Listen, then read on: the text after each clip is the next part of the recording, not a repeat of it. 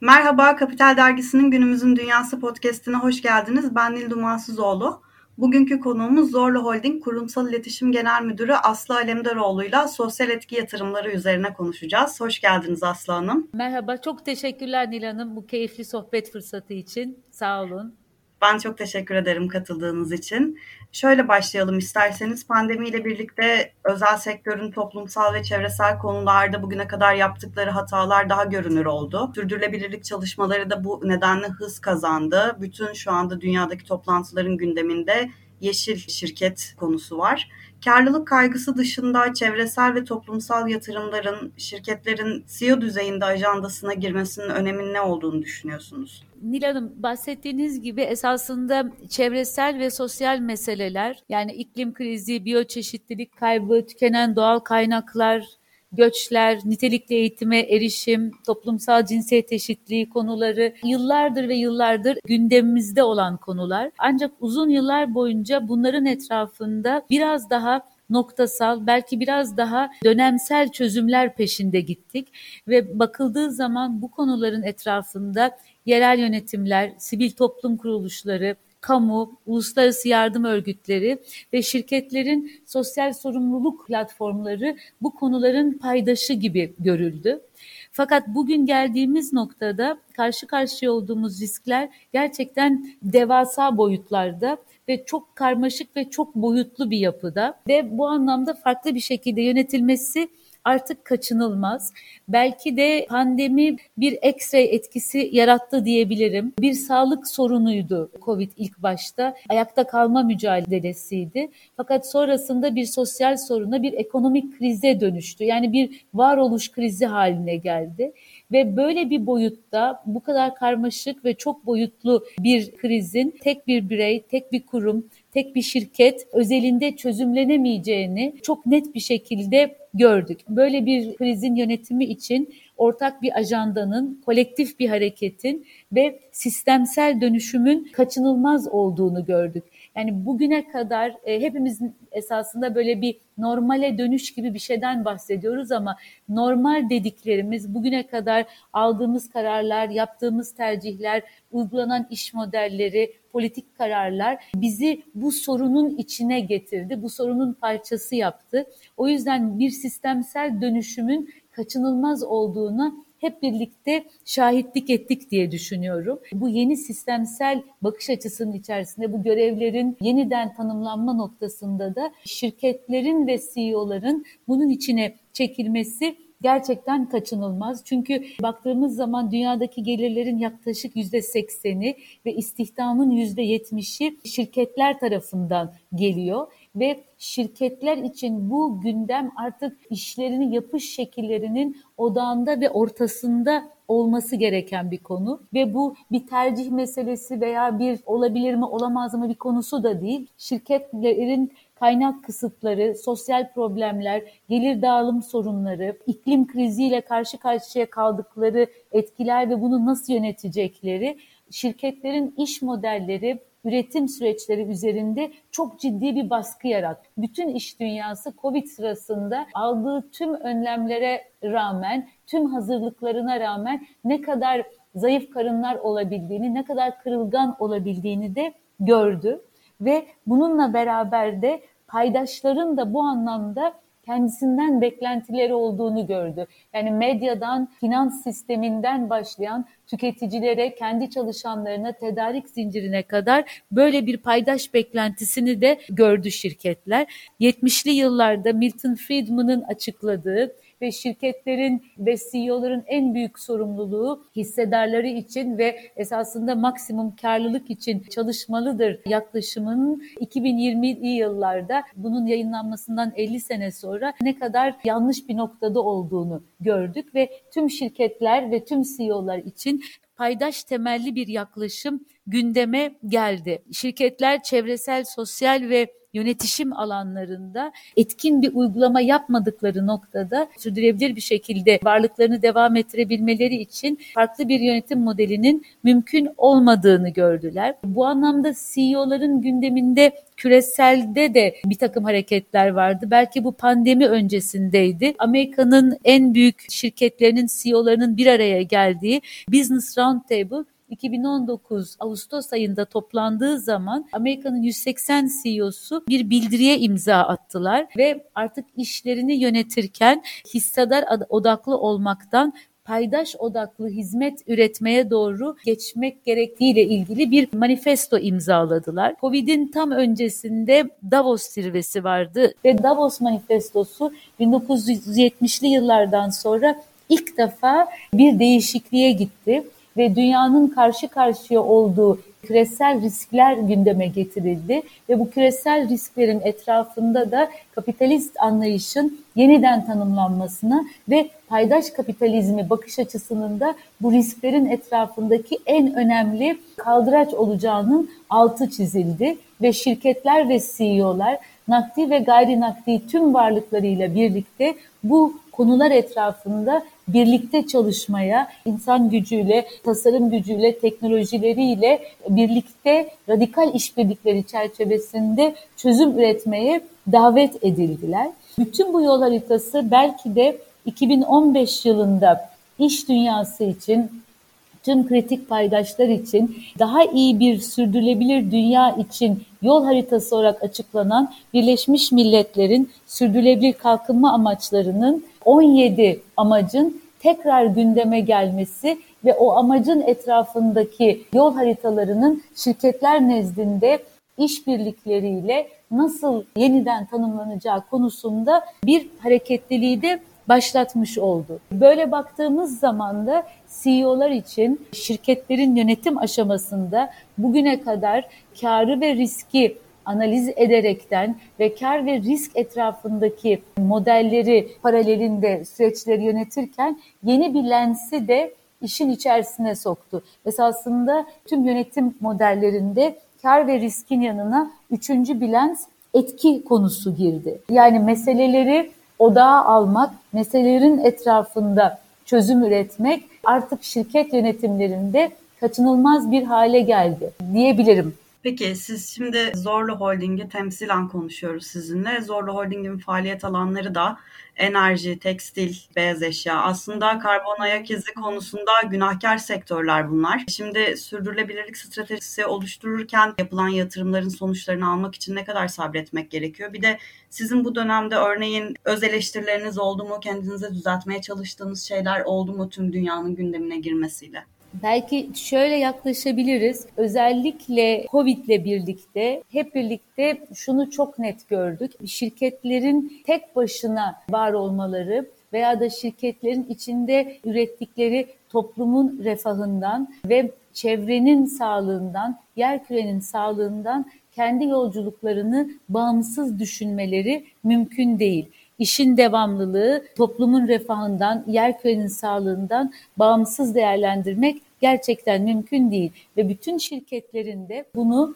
kısa vadeli hedeflerle değil yani geçen sene ne yaptım bu sene neyi iyileştiriyorum veya bu seneki yol haritam veya ayak izim bir sene sonra nasıl olacak? Esasında bakış açısının bunun çok ötesinde olması gerektiğini deneyimledik. Pandemiyle birlikte hepimizin gündeminde olan ama bir şekilde belki biraz göz ardı ettiğimiz iklim krizi gibi bir konunun da orta ve uzun vadeye kalmadan ne kadar ciddi yaptırımlarla hayatımızda olacağını da çok net bir şekilde gördük. O yüzden de bütün şirketlerin ki bu bizim yol haritamız için de böyle bir şey topluma ve yer küreye karşı sorumluluklarını bilim temelli hedeflerle tanımlamak, sürdürülebilir kalkınma amaçlarını bu anlamda bir yol haritası olarak koymak ve bunun etrafındaki değişim ve dönüşüm yolculuklarını tanımlamaları kaçınılmaz bir hale geldi. Bu arada hani şu anda iş dünyasında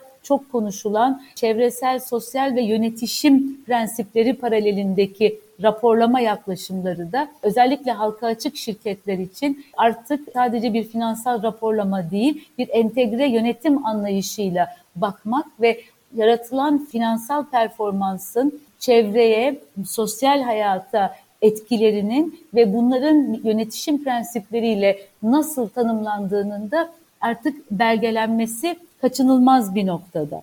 Bu gözle baktığımız zaman şirketlerin sürdürülebilirlik yolculuklarının kısa vadeli planlar değil, çok daha uzun vadeli düşünceyi, uzun vadeli bir bakış açısını beraberinde getiren bir yapıda olduğunu söyleyebilirim. Bugünden bakıp 2022'de neredeyim değil, esasında bugünden bakıp ürettiğim süreçler paralelinde ben nasıl bir dünyada var olmak istiyorum? Bu dünyanın refahı ve sağlığı için benim yol haritam nasıl şekillenmeli ve bu uzun vadeli hedeflere ulaşabilmek için ben bugünden neleri değiştirerek ve dönüştürerek gitmeliyim ki o ideal noktaya yaklaşabilelim. Tüm bakış açısının bu şekilde yeniden yapılanması gerekiyor. Zorlu Holding çatısı altında da dediğiniz gibi çok kritik ve işin içerisinde üretimde olduğumuz sektörlerimiz var ve bu anlamda da sürdürülebilir kalkınma hedeflerini kendimize bir yol haritası olarak belirleyip Akıllı Hayat 2030 çatısı altında bir sürdürülebilirlik stratejimizi tanımladık. Bu stratejik yol haritasını da şirket CFO'muzun liderliğinde ve yönetim kurulumuza da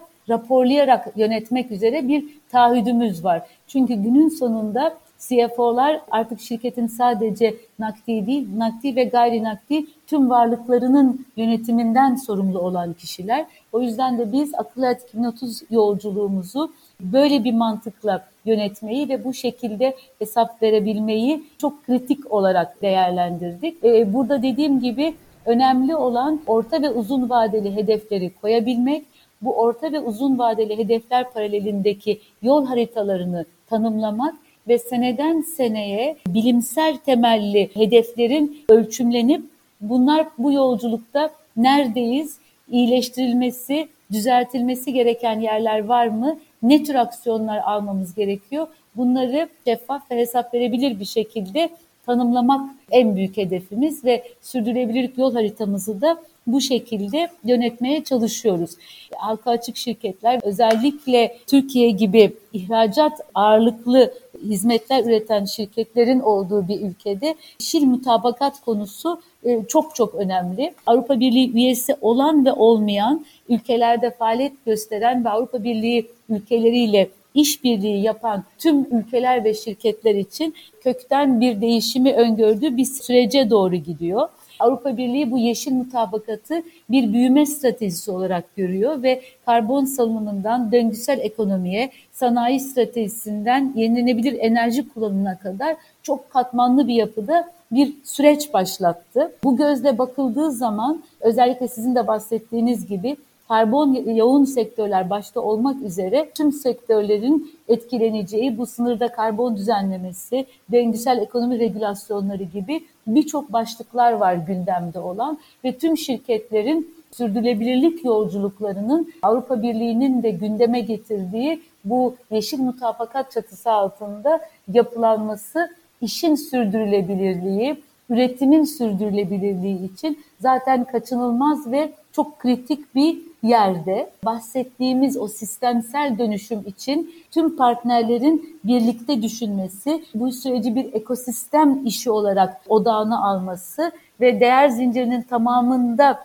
bu sürece uyumlu hale gelmek gerçekten çok çok kritik diye düşünüyorum. Peki son olarak şundan da konuşmak istiyorum. Sizin sosyal etki yatırımlarının bir ayağı olarak İMC ile sosyal girişimleri destekliyorsunuz. İmece bu anlamda uzun yıllardır da faaliyet gösteriyor. Nasıl bir etki yarattı? Gençlerden bu konuya nasıl bir ilgi var? Bunu da değerlendirebilir misiniz? En başından beri hani sizle sohbetimizin içinde bir etkiyi konuşuyoruz. Şirketlerin etki alanları ve o etki alanlarını yönetirken yaptıkları işbirliklerinin çok önemli olduğuna inanıyorum. Konu sosyal konular olduğu zaman da artık şirketlerin bakış açısının da değişmesi ve dönüşmesi gerekiyor. Bu anlamda bugüne kadar kurumsal sosyal sorumluluk çatısı altında yapılan çalışmaların çok kıymetli olduğunu düşünüyorum. Bunun altını önemli çizmek istiyorum. Fakat içinde olduğumuz dönemin riskleri ve karşı karşıya olan meselelerin boyutu dikkate alınıldığında artık sosyal meseleler etrafında uzun soluklu çözümlerin kaçınılmaz olduğu ve bu uzun soluklu çözümlerin meseleler etrafında oluşturulurken de bu problemi yaşayan, bu problemi deneyimleyen insanlarla birlikte çalışarak çözümler oluşturulması ve bu çözümlerin de mutlaka bir iş modelinin olması gerektiğine inanıyoruz. Çünkü kurumsal sosyal sorumluluk biraz daha filantropi anlayışıyla yaklaşıldığı noktada meselelere bir takım kaynaklar ayrılıyor ama kaynak tükendiğinde veya kaynağın kanalize edilmesi konusunda bir strateji değişikliği olduğu zaman o meseleler hala daha mesele olarak toplumun, hayatın belli bir hedefliklerin odağında kalmaya devam ediyor. O yüzden de bir sistemsel dönüşüm anlayışıyla etkiyi odağına alaraktan ve sosyal girişimlerle bu süreci yönetmek çok daha sağlıklı kalıcı bir yol haritasına işaret ediyor. İmece sürdürülebilir kalkınma amaçlarının işaret ettiği başlıklar etrafında mesele süreçleri tanımlayan ve bu mesele süreçlerinin etrafında sosyal girişimlerle birlikte çalışarak kalıcı çözümler hedefleyen bir sosyal inovasyon platformu bugüne kadar üç mesele süreci yönetildi. Telikli eğitim, toplumsal cinsiyet eşitliği ve eşitsizliklerin azaltılması konusu etrafında sosyal girişimlerin oluşması ve meseleler etrafında çözümler oluşturması için çalıştık. Bugüne kadar bu sosyal girişimlere belli kaynaklar ayırdık. Ama burada önemli olan bu maddi kaynaklardan çok esasında bu sosyal girişimlerin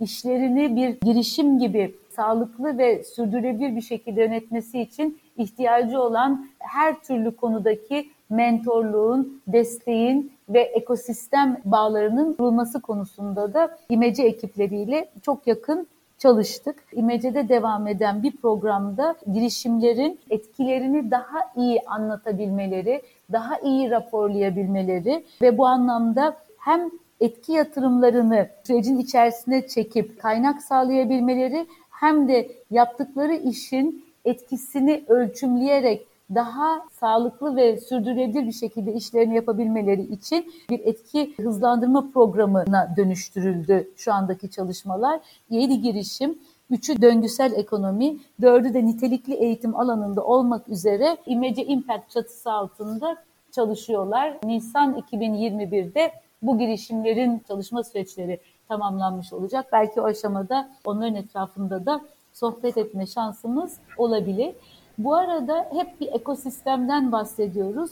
Belki İmece'nin yaptığı önemli şeylerden bir tanesi de sosyal meseleler etrafında farkındalığı olan ve bu farkında olmakla kalmayıp bir şeyleri değiştirmek ve dönüştürmek için çalışma tutkusu, çalışma kararlılığı olan bireyleri, organizasyonları, kurumları bir araya getirmek ve bunun etrafında bu sistemsel dönüşümü tartışmayı çok önemsiyor İmece yapısı. Bu da belki de 18 ve 19 Mart tarihlerinde İmece'nin ev sahipliğinde geleceğe etki zirvesi üzerinde çalışıyor İmece. Burada biraz evvel sizin söylediğiniz gibi işin içerisinde gençlerin yani bundan 5 sene sonra 10 sene sonra iş dünyasının paydaşları olacak. Müşteri kimliğiyle iş dünyasına yol ve yön verecek bu gençlerle birlikte ama gençlerin ötesinde de küreselden ve yerelden çok farklı partnerlerle bu değişim ve dönüşüm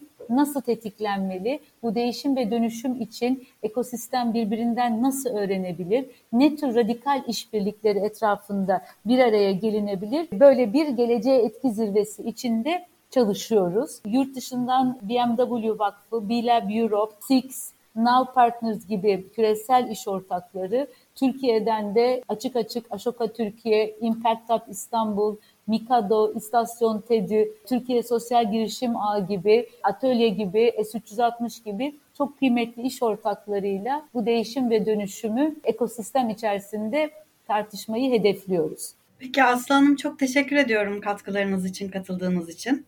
Ben size bu zemini açtığınız ve bu diyaloğa fırsat verdiğiniz için çok çok teşekkür ediyorum size. Başka konularda tekrar görüşürüz diye düşünüyorum. Hoşçakalın.